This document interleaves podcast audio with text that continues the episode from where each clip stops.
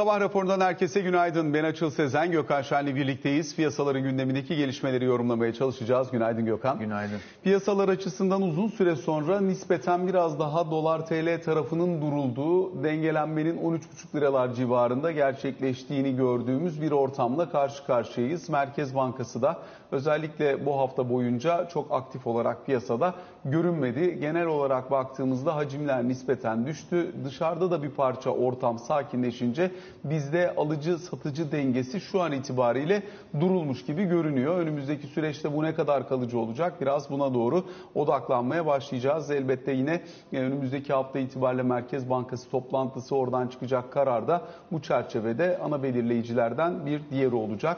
Bununla birlikte yine e, diğer taraftan baktığımızda yurt dışında önemli gelişmeler var elbette. Özellikle omikron varyantı ile ilgili olarak Pfizer'den gelen açıklamalar önemli. Kısmi koruma sağladığı söyleniyor aşıların.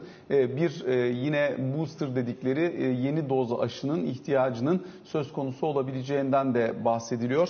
Bir parça buna bakmakta fayda var.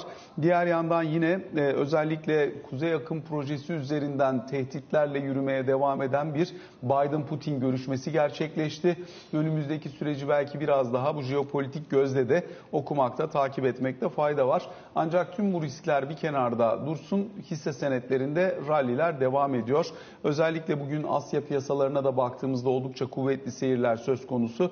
9 ayın en kuvvetli rallilerinden birini yaşıyoruz. E, aynı zamanda yine Amerikan endekslerinin kapanışlarının da oldukça pozitif gerçekleştiğini söylemek lazım. Örneğin Bank of America Merrill Lynch bir e, not yayınlamış. Onlar diyorlar ki geçtiğimiz hafta boyunca özellikle teknoloji hisseleri başta olmak üzere yatırımcılarımız dipten alım dalgasını e, ciddi anlamda gerçekleştirdiler. Dolayısıyla piyasa ne zaman biraz böyle geri çekilse oralarda alıcı bulmaya devam ettiğinde çok net olarak görüyoruz. Ee, önümüzdeki süreçte yine petrol fiyatlarına da bir parça bakmak lazım nereye gidecek diye ama e, kuvvetli bir geri dönüşte petrolde yaşandığını söyleyebiliriz. Brent yeniden 75 doların üzerine geldi. Her ne kadar e, bugün itibariyle sınırlı geri çekilmeler yaşanıyor olsa da istersen bir önce TL'deki genel gidişatla ilgili değerlendirme yaparak başlayalım. Sonrasında Alican'la geldiğinde biraz Katar, Katar'la yapılan işbirliği onun üzerine de değinmeye çalışırız.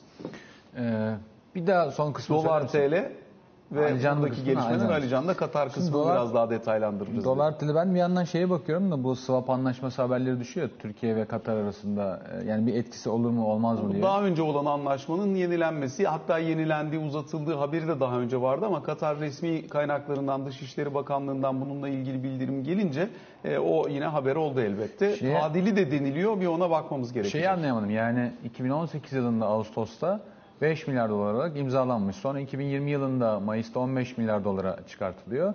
Ee, en son haber nedir onu tam anlayamadım. Yani iki ülke Süre arasında. uzatımı falan diyorlar ama. Ama çünkü Mayıs 2020 ise süresi zaten dolmamış e, olması gerekir. Piyasa için önemli. Yani TL'yi sorduğun için de e, bir yandan düşünüyorum. Çünkü şu an Türk lirasındaki yani TL'yi aşağı çeken, dövizi aşağı çeken faktörlerden bir tanesi işte Körfez ziyaretlerinden herhangi bir şekilde bir swap anlaşması e, çıkması ihtimali. Yani bu faktörlerden bir tanesi.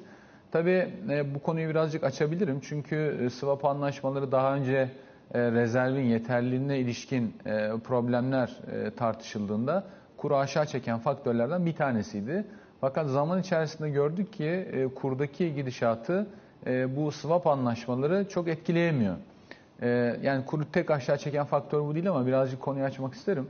E, hatırlarsan burada da konuşmuştuk. Son birkaç ayda aslında Merkez Bankası rezervlerinde yaklaşık işte 37-38 milyar dolarlık artış var. E, kolay akılda kalması bakımından 40 milyar dolar diyelim. Fakat bu 40 milyar dolardaki artışın kompozisyonuna bakarsan bunun bir kısmının e, diğer merkez bankalarıyla yapılan swap anlaşmaları yani ikili para takas anlaşmaları. Bu da şöyle oluyor.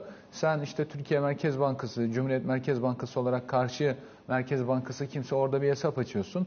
O Merkez Bankası da sende bir hesap açıyor. Karşılıklı birbirinizin e, şeylerinde hesaplarında bir artış oluyor. Şimdi o ülkenin parası her ne olursa olsun e, döviz olarak kabul edildiğinden, yabancı para e, kabul edildiğinden senin rezervlerinde artmış görünüyor ve net rezervlere de e, etkisi olabiliyor. O bakımdan da e, anlaşmaların önemi var. Fakat tabii bu cins anlaşmaların kompozisyon içerisindeki payı büyüdükçe yatırımcı tarafındaki algısı ve yani gerçek dünyadaki etkisi de azalıyor. 40 milyar dolar artıştan bahsetmiştik rezervlerde. Bunun bir kısmı swap anlaşmalarıyla oldu. Bir kısmı efektif girişiyle. Efektif giriş ne demek? Yani bir anda bir yerden bir döviz beliriyor ve bu bizim bankaların hesabına giriyor. Bu Türklerin yurt dışında fakat raporlayamadıkları işte dövizleri olabilir. Yastık altından gelen dövizler olabilir vesaire. E, ama bir şekilde şeyleri artırıyor. E, rezervleri artırıyor.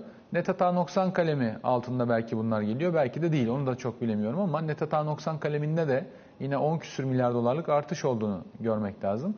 O bakımdan 40 milyar dolarlık rezerv artışına rağmen TL bir türlü değer kazanamadı. Bunun sebebi de bu paraların fiziken işte dövizden TL'ye çevrilmediği, dolayısıyla piyasada işlem görmediği olarak anlatılabilir. O yüzden tekrar e, swap anlaşmasına ve anlaşmalarına dönecek olursak e, bunun TL üstündeki değerinin çok anlamlı olmayacağı, hatta belki hiç olmayacağı kanaatindeyim. Onu söylemek lazım. Peki Türk lirasını daha fazla değerlendiren ya da işte aşağı iten faktörler ne? Herhalde birkaç tane şey sayılabilir. E, bir tanesi bana göre öncelikle çok büyük bir hareket olmuş olması. Yani işte bundan iki hafta önce diyelim ki 10, 11, 12, Eylül başında 8'ler, işte biraz sonra 9'lar. Yani vatandaş baktığında 8'den almadım, 9'dan almadım, 10'dan almadım. 13'lerden almak da biraz acaba mı diye düşünmeye başladı. O yüzden azıcık geri çekilirse almayı bekleyen insanlar var anladığım kadarıyla. Bunlar bireyler ve kurumlar. Bir sebebi bu. Yani çok yükselmiş olması bir yorgunluk getiriyor kurda. Bu bizim için iyi tabii Türk vatandaşları olarak. O bakımdan da bir geri çekilme var. İkincisi Merkez Bankası'nın iki seferdir 14'e yakın yerlerde kuru satmış olması, bir parça piyasaya likidite sağlamış olması yine kura yardımcı olan faktörlerden. Fakat tabii ki devamlı olarak müdahaleyle belli bir seviyede ya da belli bir oynaklıkta tutmak mümkün değil. Ama şu ana kadar yani o sıcağı sıcağına işe yaradı mı yaramadı mı tartışmasında şu ana kadar yaradı gibi görünüyor. Çünkü e, hatırlarsan burada da çok konuştuk. Yani merkez müdahaleleri işe yaramak yaramamak cinsinden değil de biraz daha farklı kriterlerle e, değerlendiriliyor. Ve geriye dönüp baktığında e, genellikle kur müdahalelerinin işe yaramadığını görüyorsun. Hatta Türkiye'deki döngülere baktığında önceki döngülere her kur müdahalesinin devamında faiz artışında geldiğini hatırlatmak lazım ama yani ayrı bir konu. E, bu da yine kuru aşağı çeken faktörlerden. Bir başka konu da bence piyasadaki alıcı satıcı dengesi. Burada da çok konuştuk ama e, bunun iki ya da üç yönden anlamı var. Bir tanesi yabancı katılım az olduğu için e, şu ana kadar zaten bu yeni bir şey de değil. Hacimler çok düştü. Dolayısıyla fiyat çok yapılamıyor. Mesela bugün piyasada e, yabancılar olsaydı e, daha da belki fiyat yüksek olabilirdi kurda. Yani nereye giderdi tam kestiremiyorum. Çünkü yani bedava bir öğlen yemeği gibi. Yani alıyorsun ve yukarı gidiyor. O bakımdan yani swaplarla fonlayarak bunu yukarı e, itebilirlerdi. Birinci konu bu.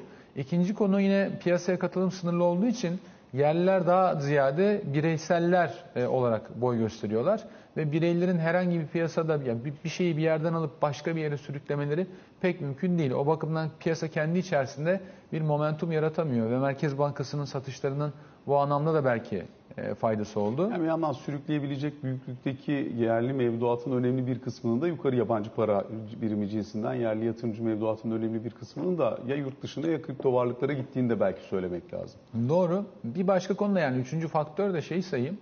E, ya piyasada e, tabii ki ciddi bir spekülasyon var. E, fakat bu spekülasyon yani konuya yakın olanlar kötü bir şey demediğimi anlıyorlar.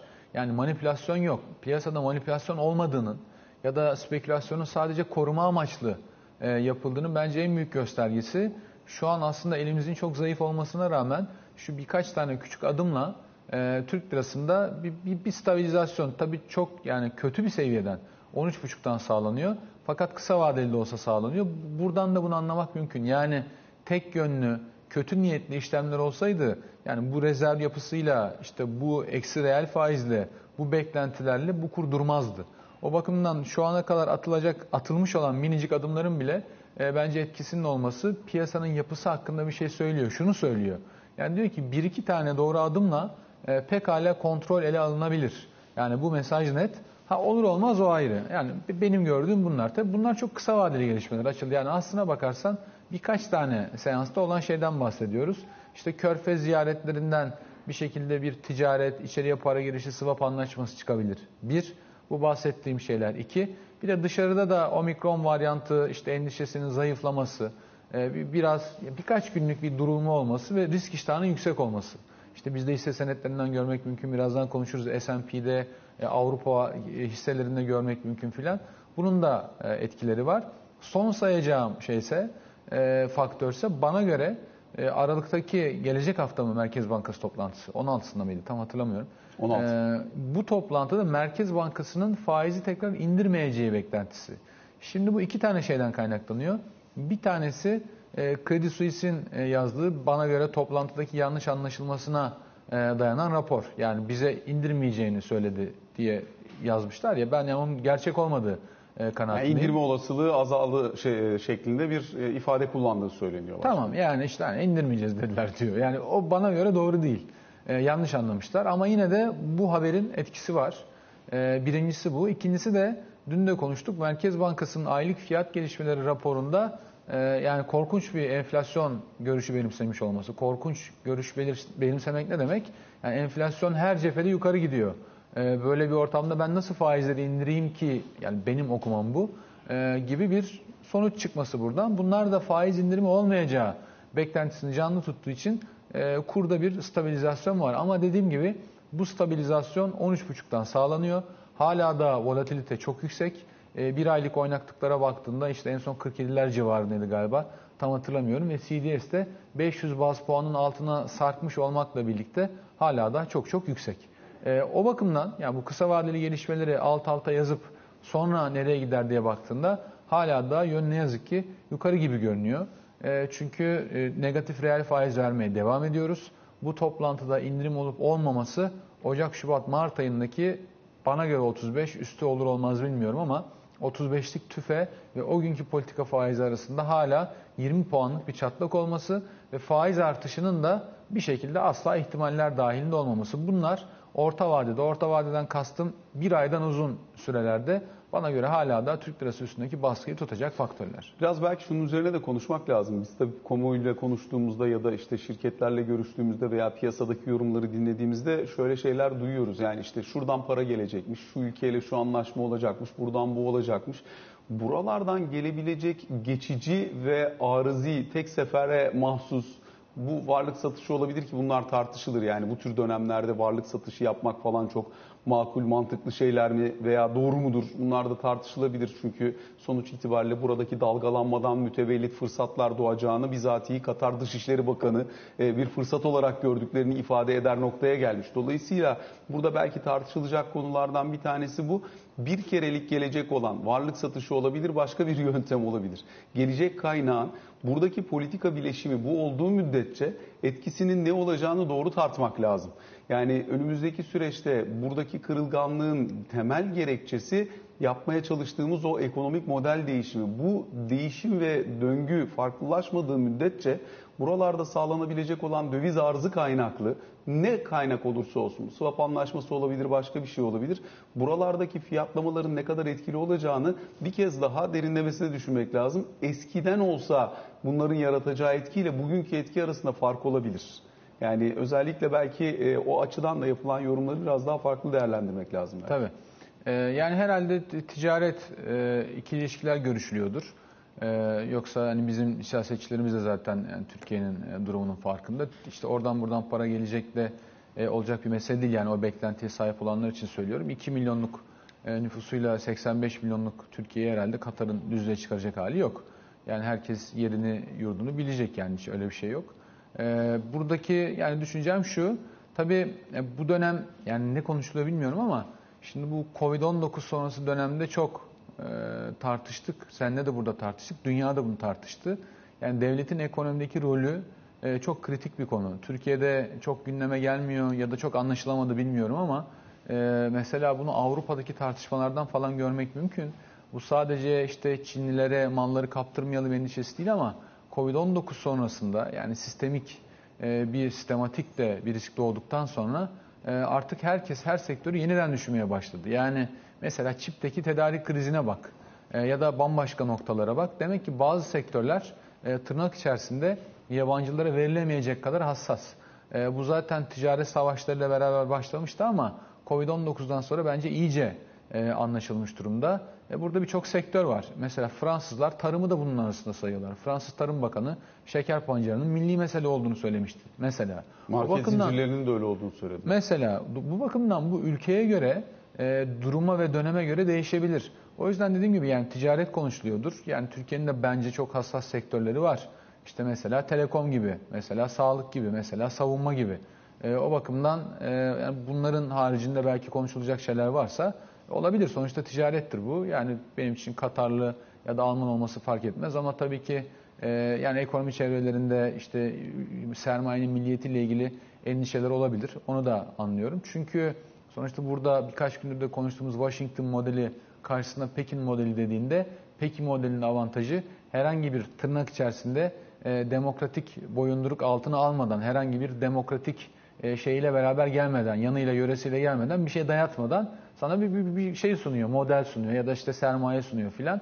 O bakımdan tabii arada farklar var. E, yani oralardan belki kaynaklanıyordur. Tabii e, ne gibi bir anlaşma olur, e, hangi paralar nereye gelir, nereye gider bilmiyorum ama yani Türkiye'deki mesele e, sonuçta işte çok düşük bir e, faiz seviyesi uygulandığı, e, bunun da enflasyonun çok altında kaldığı ve bunun e, uygulanacak politikaların da çok işte yani paldır küldür geldiği ve hazmedilemeden devreye alınmaya çalışıldığı, bunun da piyasada bir alerji yarattığı. Yani şu anki e, hikaye bu. Sorunların üstüne para atmak e, çözüm değil. Yani sorunların üstüne para atmak e, olsa olsa çok çok kısa vadeli etkiler yapar. Ama mesela bir sene de değil. Bir gün, bir hafta, üç hafta ondan sonra e, bu bozulma kaldığı yerden devam eder. O bakımdan da yani para atarak sorun çözmek e, boşuna kaynak israfı olur. Yani ben hani siyasetçiler bunu yapıyorlar demiyorum. O beklentiye sahip olanlar için söylüyorum. Buradaki sorun başka. Yani şu anki sorun Türkiye'nin 2 milyarı falan olması olmaması konusu değil. Merkez Bankası'nın şu an son seviyesini hatırlamıyorum. İşte 130 milyar dolar diyelim. E, brüt rezervi var. Bunların her biri e, satılabilir mesele oysa. Yani var. Döviz yok diye bir şey yok. Buradaki mesele TL'nin ve dövizin fiyatıyla alakalı ve dolayısıyla faiziyle alakalı. Çünkü bu ikisi aynı şey.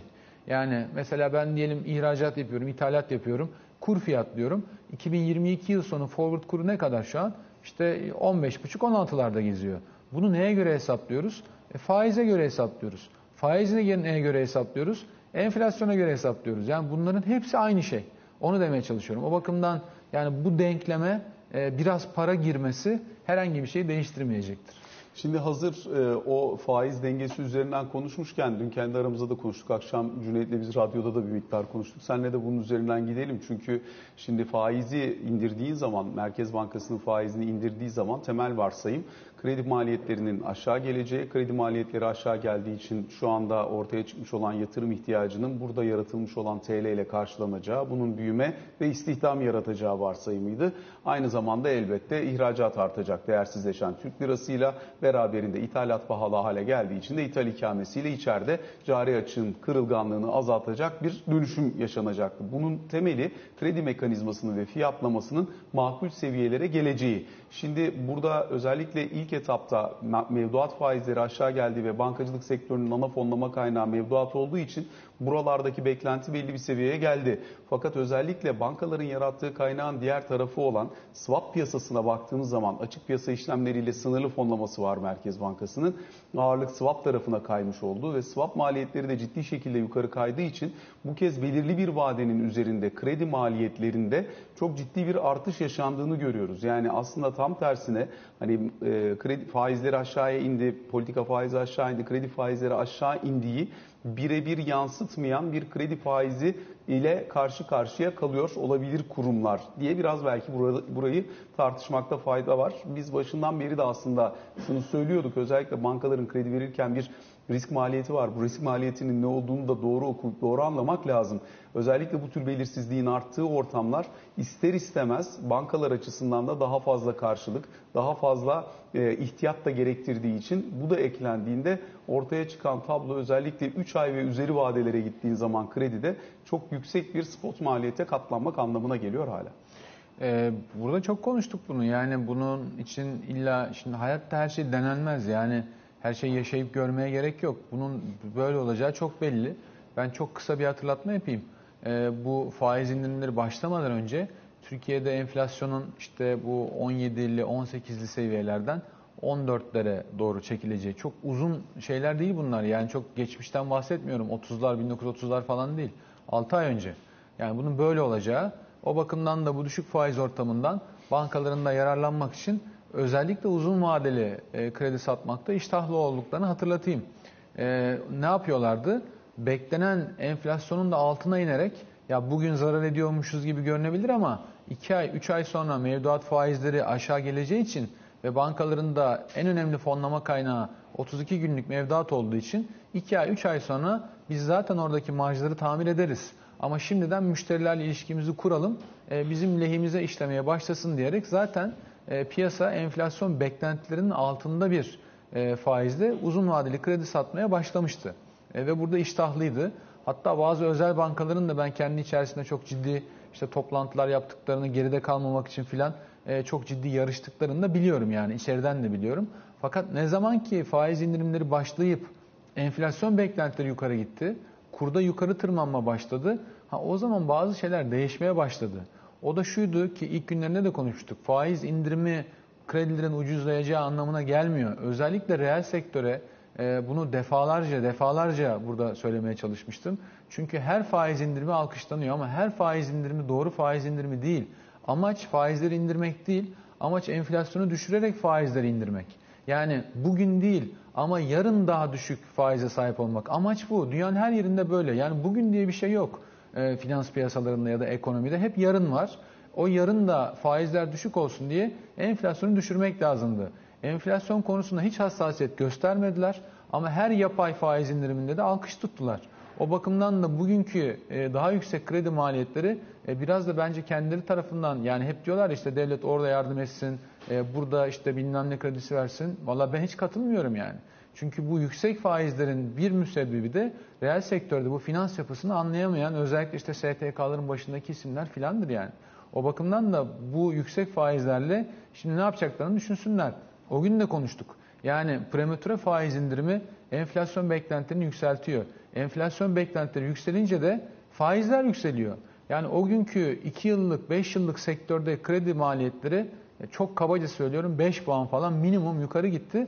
O da eğer ki alabilirsen. Bak eğer ki alabilirsen yani çünkü banka da bana göre hala daha ucuz veriyor. Bugün kredi alabilen varsa yani en başında da söyledim mutlaka gidip almaları lazım ki zaten geçen hafta 37 milyar lira kredi artışı var. Çünkü yani adeta yani hadi bedava demeyeyim ayıp olmasın çok ucuz para dağıtılıyor. Zaten yüksek enflasyon ortamında TL borçlanıp ileride döviz ihtiyacını giderebilecek veya spekülatif de olabilir elbette ve herhangi bir varlık edinimi gerçekleştirebilecek herkes için çok uygun bir ortam. Yani enflasyon zaten olayı budur. E, çok uygun zaten ama bunu kaç kişi yapabilir? Toplumun küçük bir kesimi yapabilir. Yani kredibilitesi olup da kredi alabilecekler yapabilirler. Ne yaparsın yüksek enflasyon işte paranın değer kaybettiği ortamda yerel para cinsinden borçlanır mala hücum edersin. Bu mal döviz olabilir, altın olabilir, araba olabilir, ev olabilir, ben ne bileyim işte stok olabilir, ham madde olabilir, yerel sektörsün, vatandaşsın ben onu bilemem.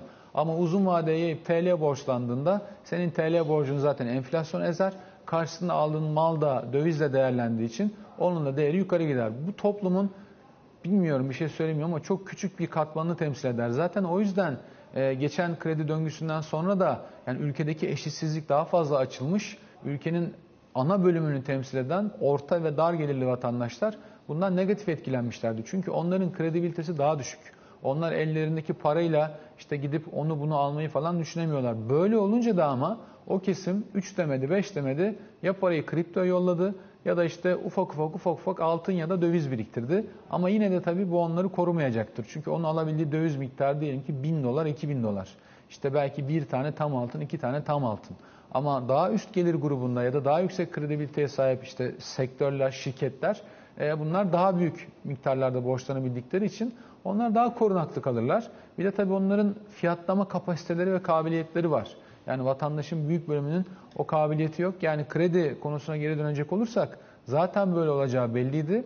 Daha da büyük riskler var. Yani daha da artması ihtimali var kredi faizlerinin. Ha yapay olarak belki denenebilir. Ama şimdi şöyle bir durum var. Yani Merkez Bankası 15'ten piyasayı fonluyor. E, vatandaşlar 15 ile falan şu an mevduatı veren kalmadı herhalde ama hani 16 ile 17 ile bir kısmı hala da TL cinsinden e, bankaları fonluyorlar. Bankalar da kredi verecekler ama e şimdi enflasyon 30-35'e patlarsa e, ilk çeyrekte e, dövizdeki durumda malum. Birincisi aktif kalitesinde ne kadar bozulma olur? İkincisi de marjlar ne olur?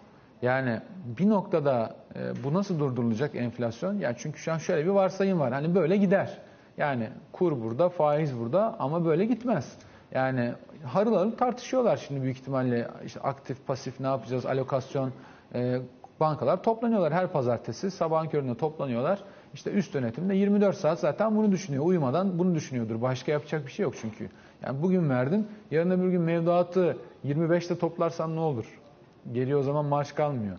Ee, o bakımdan da şu an yani hemen hemen her fiyat yanlış bana göre. Bir de Merkez Bankası'ndan bundan sonrası için gelebilecek olan ekstra bir faiz indirimi varsa bunun bankalar üzerinde yaratacağı duyarlılık etkisini de belki tartışmak lazım. O parasal aktarım mekanizmasından sürekli bahsettiğimiz için hani Merkez Bankası faizi indirdi. Şu an itibariyle talep edilen faiz mevduat tarafında zaten politika faizinin belli ölçüde üzerinde gerçekleşiyorsa bundan sonra bu hala böyle kalmaya devam eder mi? indi Merkez Bankası'nın faizi diye burası burayı takip eder mi? Duyarlılık analizini de belki biraz yaparak gitmek lazım. İşte yani faizlerin her indirilişi yani merhale merhale geldi. Her indirilişi e, dedim ya hiç bugünün meselesi değil faiz hep yarının meselesidir. Yani her indirim yarının enflasyon beklentisini o kadar arttırdı. arttırdı. O bakımdan da her indirim e, o faizleri enflasyon beklentileri arttığı için o kadar arttırmış oldu. Bundan sonra yapılacak her indirim de daha asimetrik bir biçimde ileri dönük faiz beklentilerini daha doğrusu bir aşama önceye gelirsek bir önceki vagonda enflasyon beklentileri var. Her ekstradan faiz indirimi e, o enflasyon beklentilerini asimetrik olarak daha yukarı taşıyacak. Bu da gelecekteki yani 2040-50 değil 2022 yılının 3. 6. ayından bahsediyorum. O zamanki faizleri daha yukarı taşıyacaktır. O yüzden ben yani faiz indirimlerinin bittiği kanaatindeyim ama e, yani olan oldu. Şimdi aslında yani şey orada duruyor. E, bütün konu ilk çeyrek bence. Bütün konu ilk çeyrek. Çünkü mesela temel gıda maddelerine falan... Işte faiz indirimi bittiği kanısın, e, kanısı Ben kendi fikrimi anlıyorum, söylüyorum. Anlıyorum. Bu, bu hasıl olacaksa o zaman bu dönüşümü yapmak için bu faiz düzeyi falan yeterli mi diye de çok tartışma olacaktır yani. E, olacaktır ama ne yapayım yani yani ben kendi fikrimi söylüyorum. E, ya bu zamlar konusunda yani devamlı söylemeye çalışıyorum. Yani içimde yani kan ağlayarak üzülüyorum ama yani bu daha ortasındayız. Yani bu mesela bu süt çiğ süt zammından sonra mesela mecburi. Bugün devreye giriyor işte. E, bugün devreye giriyor. E şimdi yani peynir vesaire filan çok enteresan fiyatlar göreceksiniz yani. Hani 5 kiloluk yoğurt almaya giden, 1 kilo peynir almaya giden çok enteresan fiyatlar görecek. %50 zam gelecek söylüyoruz Ee, yani. yani o yüzden ilk çeyrek asıl sıkıntılı yer orası yani. Peki son bir dakikada çok hızlıca bir de bu omikron varyantı ve onun etkileri üzerine gelen açıklamalardan bahsedelim. Piyasalar omikron varyantı çok da hayatı etkilemeyeceği şu an itibariyle fiyatlıyor. E, Ciddi de ralliler var ama gelen açıklamalar kısmi koruma diyor örneğin Pfizer tarafı. Şimdi bence omikron varyantının işte hem yüksek bulaşıcı hem de delta gibi işte öldürücü etkilerinin filan Allah korusun çok yüksek olduğu söylenseydi e, şu an piyasalarda bir yıkım olabilirdi. Şimdi eldeki daha ilk bulgular, zayıf bulgularla yine yüksek bulaşıcılığa sahip fakat hafif semptomlar gösteren bir varyant olduğu söylenince bence piyasalar e, yıl sonu rallisi için e, bunu bir şey olarak gördüler. Yani en azından bunu engellemeyecek bir gelişme olarak gördüler. Bu- Bunu da yarın daha detaylı konuşuruz. Buradan yıl sonuna kadar e, ciddi bir tüm hisse senedi piyasalarında rally yaşanabilir. Yani Avrupa'da, Amerika'da bir %3'ler, 5'ler, 7'ler daha gelişenlerde belki 5-10'lar civarı minimum yaşanabilir. O bakımdan yani çok orası olumlu görünüyor. Ama tabii bilgiler çok yeni. Mesela Güney Afrika'daki ben vakalara baktım. Ee, Kasım'ın ilk haftası, Aralık'ın ilk haftası yani omikron varyantının görülmesi arasındaki faz farkından bahsediyorum. İşte 30-40 katına çıkmış vakalar ki orada yaz ayları. Ee, tabii aşılama falan çok düşük. O yüzden ya ben de tıp uzmanı değilim. Yani bakıp kestirim yapmaya çalışıyorum. Ee, ne kadar iyi olur bilmiyorum omikron varyantı ama yani hani piyasanın şimdiki varsayımı bu. Ee, ama hani belli ki hızlı yayılabiliyor. Ee, o bakımdan da birazcık herhalde temkinli olmakta fayda var. Ama dediğim gibi yani bu bir rallinin önü açıldı değil sonuna kadar öyle görünüyor. Peki kısa bir ara sonra Can Türkoğlu da bizlerle birlikte olacak kaldığımız yerden devam edeceğiz. Sabah raporunun ikinci bölümüyle karşınızdayız. Ali Can Türkoğlu da bizlerle birlikte. Ali Can günaydın. Günaydın, günaydın. Bugün kabine toplantısı var bir. İkincisi varyantla ilgili tartışmalar devam ediyor. Bizde buna dair herhangi bir tanı, herhangi bir önlem var mı yok mu? Bu iki. Üçüncüsü de asgari ücretle ilgili görüşmelerde sona yaklaşıldı gibi anlaşılıyor. Evet aslında 2 ve 3'te kabine toplantısının içinde konuşulacak başlıklar. Ee, saat 15'te olacak kabine toplantısı. Sonrasında Cumhurbaşkanı'nın e, kabine toplantısından alınan kararlarla ilgili açıklama yapması bekleniyor yine. Ee, ana gündem ekonomi olacak bu kabine toplantısında. Evet yine omikron e, ve işte dış politikadaki diğer başlıklarda konuşulacak ama özellikle işte şu andaki kurdaki gelinen son nokta, e, artık kur dışında bu fahiş fiyatla mücadele, stokçulukla ilgili özellikle Cumhurbaşkanı Erdoğan'ın yine açıklamaları vardı. Burada ne gibi önlemler alınacak, ne gibi önlemlerin alınması planlanıyor bunlar konuşulacak. E, yine asgari ücret konusu e, kabinenin en önemli gündem maddeleri. Dolayısıyla bu üç alt başlık e, üzerinde toplanacak bir ekonomi gündemi var kabine toplantısında bugün itibariyle. Bunun dalları da var. Mesela işte son 1-2 gündür özellikle çok sık konuşuluyor. E, motorlu taşıtlar vergisinde Cumhurbaşkanı yetkisini kullanarak bir indirime gidecek mi?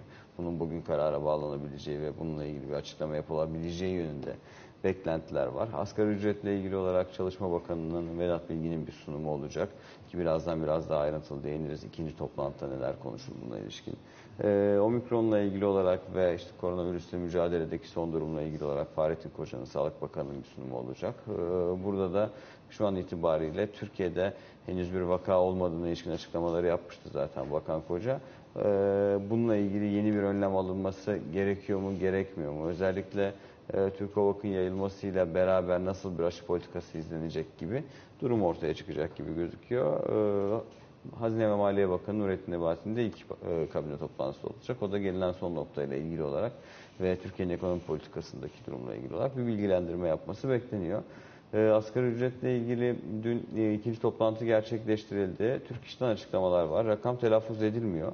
E, ancak e, kamuoyunda konuşulan rakamların daha altına evet dememiz imkanı yok dedi. Bir de o Ergun 4 bin lira civarında. 4000 lira civarında. Yani yanlış hatırlamıyorsam 3912 lira gibi bir rakam vardı Türk İş'in e, bekar bir işçinin aylık masrafıyla ilgili olarak yaptığı çalışmalardan. Dolayısıyla şu ana kadar ki e, konuşmaları konuşmalardan hiç işte 3700, 3750, 3800 ki son 1-2 günde birkaç günde de 4000 lira civarındaki rakamlar telaffuz edildi. Anlaşılan o ki e, Türk İş'in beklentisi bu rakamın altına inilmemesi yönünde.